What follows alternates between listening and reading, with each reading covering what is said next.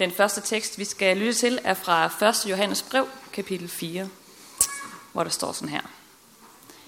Mine kære, lad os elske hinanden, for kærligheden er af Gud, og enhver, som elsker, er født af Gud og kender Gud.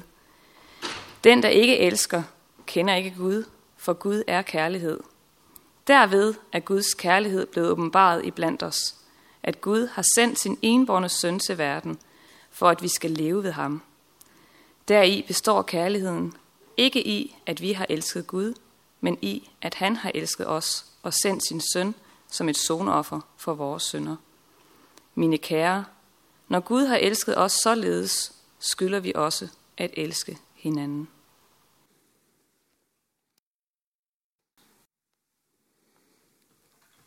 I går der hørte vi den øh, fantastiske, håndgribelige og lavpraktiske udgave af juleevangeliet, øh, sådan som det foregik helt konkret. Øh, I dag der skal vi høre den øh, poetiske, tænksomme og dybsindige udgave. Øh, og præcis ligesom i går, så er det en tekst, der er fyldt af Guds ånd. Og øh, vi vil lige bede, inden vi læser den her tekst. Kære himmelske far, jeg beder dig om, at du endnu en gang vil åbne vores hjerter, vores ører, for hvad du vil sige til os igennem dit ord. Vi tror på, at dit ord er fyldt af din ånd, og at din ånd er her i dag og kan åbne os for, hvad du vil sige. Lad os få noget med hjem hver især. Amen. Teksten den lyder sådan her. I begyndelsen var ordet, og ordet var hos Gud, og ordet var Gud. Han var i begyndelsen hos Gud. Alt blev til ved ham, og uden ham blev intet til af det, som er. I ham var liv, og livet var menneskers lys. Og lyset, det skinner i mørket, og mørket greb det ikke. Der kom et menneske udsendt af Gud. Hans navn var Johannes. Han kom for at aflægge vidnesbyrd. Han skulle vidne om lyset, for at alle skulle se og komme til tro ved ham. Selv var han ikke lyset, men han skulle vidne om lyset. Lyset, det sande lys, som oplyser et hvert menneske, var ved at komme til verden.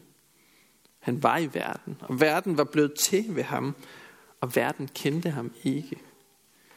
Han kom til sit eget, og hans egne tog ikke imod ham. Men alle dem, der tog imod ham, gav han ret til at blive Guds børn.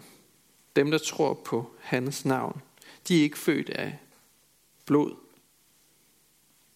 ikke af køds vilje, ikke af mands vilje, men de er født af Gud.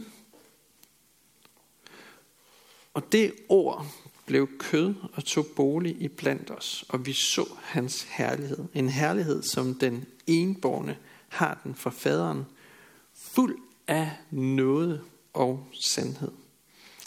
Amen. I går der, øh, der handlede min prædiken om, øh, om Jesus som vores ledestjerne, øh, som på alle måder viser os vejen øh, til troen, til glæden, til håbet og til livet. Og i dag der fortsætter vi lidt i det samme tema omkring lys, øh, som, som jo øh, spiller en vigtig rolle i Johannes' øh, tekst her til os i dag. Han skriver, lyset det sande lys, som oplyser et hvert menneske, var ved at komme til verden. Sådan beskriver Johannes julens budskab. Jesus, han er menneskers lys. Så det er ikke helt tilfældigt, at øh, den kristne julefejring, den overtog faktisk pladsen fra en hedensk lysfest, som blev fejret på den mørkeste tid af året i de nordiske lande. Det er nemlig midt i mørket, at lyset skinner klarest. Det er midt i mørket, at lyset det skinner klarest. Det er ikke sjældent, at man hører øh, os danskere tale om vinterdepression.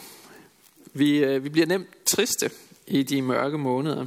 Vi kigger ned på vores fødder, og så ser vi kun det mudder og slud og skidt, vi træsker rundt i eller vi bliver helt opslugt af os selv og isolerer os, fordi det hele det virker så tomt og meningsløst.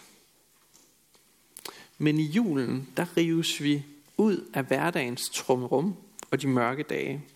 Og så løfter vi blikket for at lede efter sprækker i mørket, hvor lyset kan komme ind. Guds historie med verden, som vi lige har lyttet til, helt fra før verden blev skabt, det er en af de sprækker, hvor Guds lys trænger igennem ud til os. Til vores verden. Det sande lys. Ikke bare lyset fra endnu en computerskærm eller endnu en mobiltelefon, som snarere bedrager og bedøver os, men det gode lys. Det lys, som oplyser et hvert menneskes hjerte, sjæl og sind. Det lys, som vores hjerte konstant leder febrilsk efter. For det gør det. Vores hjerte har brug for det her lys. Og leder efter de her sprækker. Når vi fortæller øh, historien om Jesu fødsel år efter år efter år, så er det fordi Jesus på den måde bliver nærværende hos os, når vi lytter til hans ord. Han bliver nærværende her, midt i blandt os. Det er ikke en fjern og ligegyldig fortid, vi taler om, men noget, vi kaldes til at tage imod i dag. Og derfor så skal vi bruge den her øh, tid i dag til den her gudstjeneste på at lade os spejle os selv i historien om Jesu liv. Og lad os se os selv som en del af den historie, der udfolder sig i Bibelen. Giver vi plads til, at historien om Jesus må følge i vores liv? Prøv at stille dig selv det spørgsmål. Bliver han nærværende hos dig? Ser du dig selv som en del af Guds store plan for verden? Åh, oh, hvad er det nu lige Guds plan for verden det er? Jeg har taget et lille, meget super pædagogisk og kortfattet billede med, som måske kan sætte lidt nogle tanker i gang hos jer. Det håber jeg, det kan. Hvis man skal koge Bibelens budskab ned til fire punkter,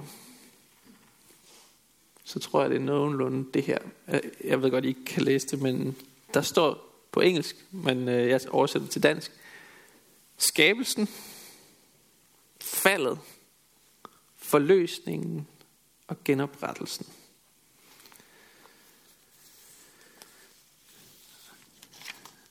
I indledningen til Johannes' evangelium, i den tekst, vi lige har set, der udfolder han faktisk alle fire dele af Guds historie på de her ganske få vers. Og han begynder ved skabelsen. For det barn, vi fejrer i dag, han, øh, han havde ikke sin begyndelse i øh, den dag, han blev født. Han havde heller ikke øh, sin begyndelse ni måneder før han blev født. Han havde det heller ikke 100 år før, men han havde det årtusinder før han blev født. Fordi der står i dagens tekst, i begyndelsen var ordet. Jesus var altså før jorden blev skabt. Han var præeksisterende. Helt siden verden blev skabt ved hans ord, der har han været Gud, og han er stadig Gud fra evighed og til evighed, som vi siger. Han talte verden frem, en verden, som var karakteriseret med et særligt ord i Bibelen, nemlig shalom, fred. Og det hører vi om i dagens tekst. I begyndelsen var ordet. Men en sygdom er vokset frem i den skabte verden og har ødelagt freden. Det er det mørke, som Johannes taler om her. Et mørke og et syndefald, som repræsenterer døden, løgnen, synden, satan. Alt det der er galt med den her verden. Et, mær- et mørke, som vi kender fra vores everyday life. For den sniger sig ikke bare ind i vores hjerter. Nej, den, den vælger faktisk ud af vores hjerter. Fra vores eget indre. Når vi lyver for hinanden. Når vi stjæler fra hinanden. Når vi planlægger at myrde hinanden. Eller tænk på, når vi mærker mørket vel frem selv i den skabte verden. Når sygdom ødelægger kroppen, og naturens kaoskræfter ødelægger, og når døden slår ihjel, der er noget rivrav ruskende galt med denne her verden. Der er et mørke. Men midt i mørket, der skaber historien om Jesus i krybben et glimt af håb og forløsning. Det vi sukker efter, er han faktisk kommet for at give os. Det forkyndes af englen for hyrderne på marken. I dag er der født jer en frelser, en forløser. Han er kommet for at forløse sit folk fra det synd og fra den her verdens mørke. Og igen er der et særligt bibelsk ord, der kendetegner den fede måde, Gud han gør det på. Og det er ordet noget. Fordi Gud han har ikke tænkt, havde ikke tænkt sig, at nu skulle han bare udslette det hele en gang til, ligesom han gjorde på Noahs dage. Nej. Han gik til den her frelsesopgave på en helt anden måde den her gang.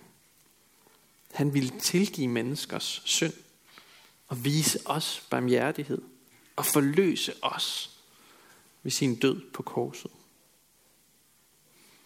Og så det fjerde og sidste punkt i Guds historie. Det er genoprettelsen.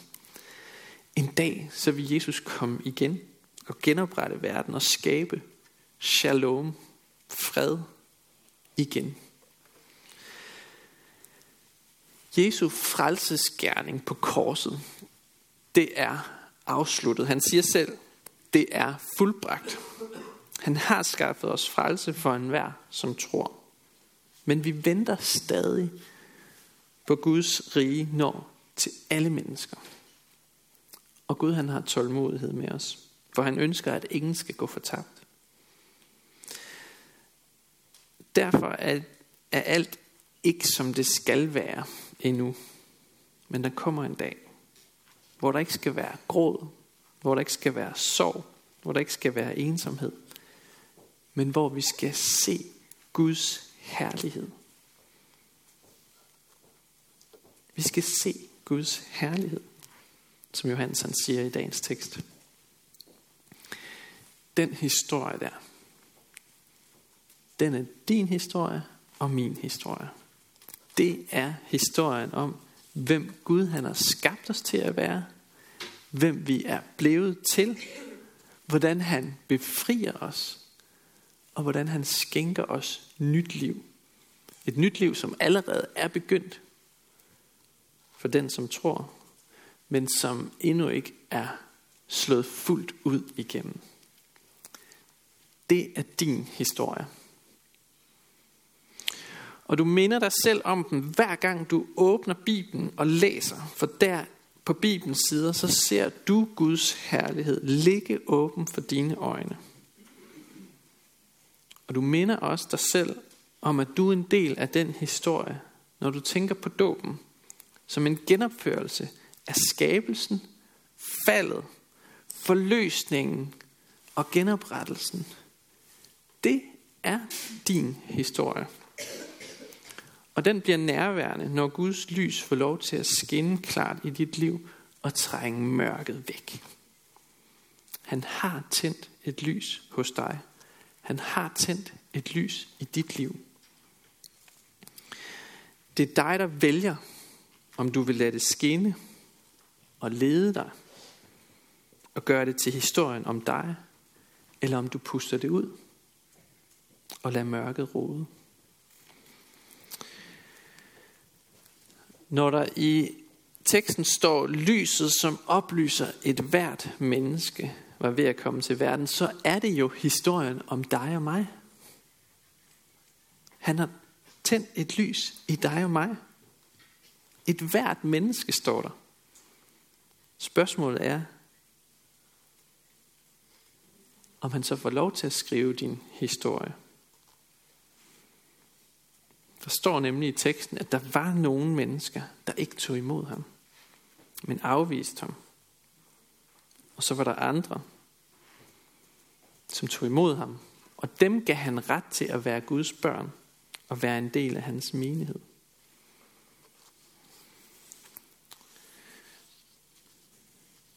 Lad mig prøve at øh, komme med et lille øh, eksempel på det her.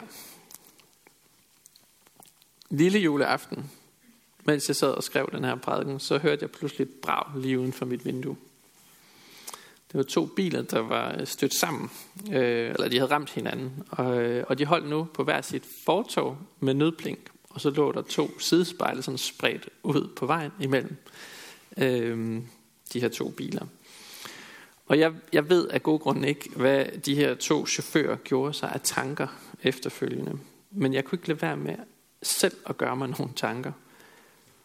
Hvis det nu havde været mig, hvordan ville jeg skrive den her konkrete historie? Jeg kunne enten fortælle det som en historie om skyld og ansvar. Som en diskussion om, hvem der havde handlet rigtigt, hvem der havde handlet forkert. Og jeg ville forsøge at placere ansvaret hos den anden og få skaden på min bil dækket af den andens forsikring.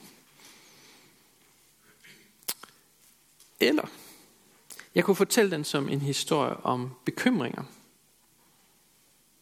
Nu har jeg ikke længere et sidespejl. Vi skulle egentlig ud og køre ret langt, og en hel del ture her i julen til noget familie og sådan noget. Nu kan vi ikke komme afsted, eller kan vi? Og mekanikere, de holder nok også juleferie, og sådan, hmm, hvad skal jeg nu gøre? Spørgsmålene, de håber sig ligesom op, og bekymringerne tager til. Eller jeg kunne fortælle det som en historie om fald og genoprettelse. Det er jeg godt nok ked af. Det var et uheld. Det vil jeg gerne sige undskyld for. Og jeg vil faktisk også gerne sørge for, at din bil bliver repareret igen.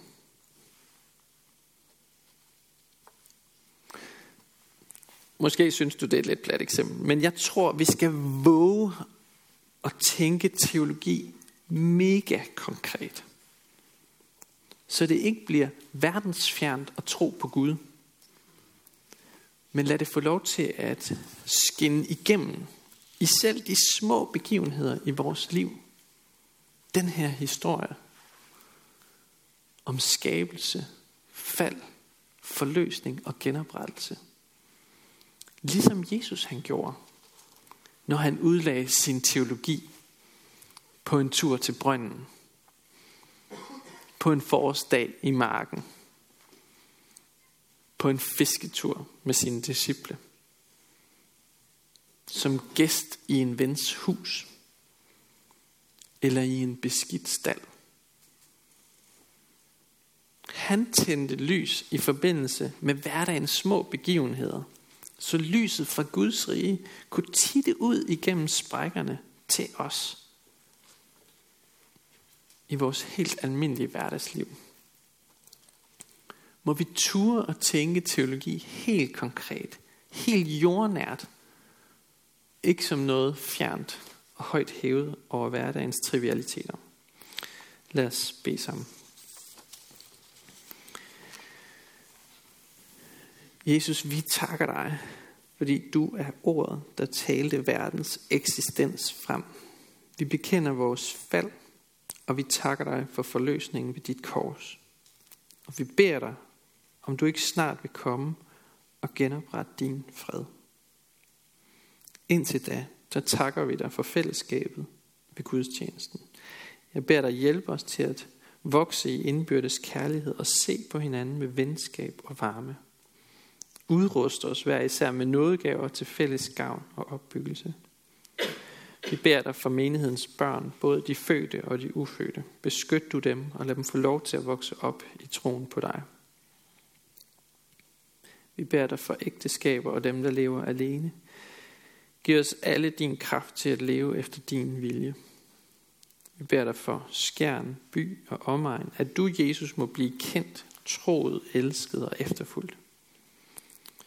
Vi beder dig for Nils Jørgen Fogh, menighedens vejleder, at du må styrke ham i hans arbejde og holde både ham og os fast på Bibelens grund. Vi beder dig om, at du vil være nær hos alle, der er ramt af sorg og sygdom og lidelse. Giv os mod til at være til stede og visdom til at lindre smerten hos hinanden. Hør os, når vi i stillhed hver især beder for en, vi kender.